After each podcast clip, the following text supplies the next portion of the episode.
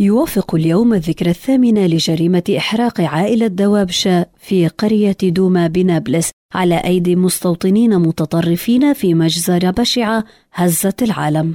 في الحادي والثلاثين من تموز عام 2015 ألقى مستوطنون تسللوا إلى قرية دوما تحت جنح الظلام زجاجات حارقة داخل منزل عائلة دوابشة وهم نيام. ما أدى لاستشهاد الرضيع علي وإصابة الوالد والوالدة وشقيقه أحمد بجروح خطيرة إلى أن أعلن عن استشهاد الوالد سعد بعد أيام من إصابته والوالدة ريهام عقب الجريمة بأكثر من شهر. استشهد الوالدان سعد وريهام وطفلهما الرضيع علي نتيجة إصابتهم بحروق بالغة، في حين نجا طفلهما أحمد الذي كان يبلغ عمره حينها أربع سنوات أصيب بحروق تصل إلى 60% ويحتاج سنوات للتعافي منها. بقي أحمد الشاهد الوحيد على جريمة حرق عائلته والذي ما زال يعاني من آثارها النفسية والجسدية بسبب الحروق.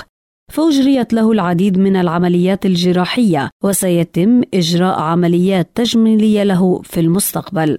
أثارت تلك الجريمة غضبا عالميا وعربيا واسعا استنكارا من كبار الشخصيات والمسؤولين الدوليين أدت إلى مواجهات في كافة مدن الضفة وموجة عمليات فدائية متسارعة بدأت بمقتل مستوطنين اثنين بعملية إطلاق نار شرقي نابلس امتدت بعدها لانتفاضة سكاكين استمرت قرابة العام.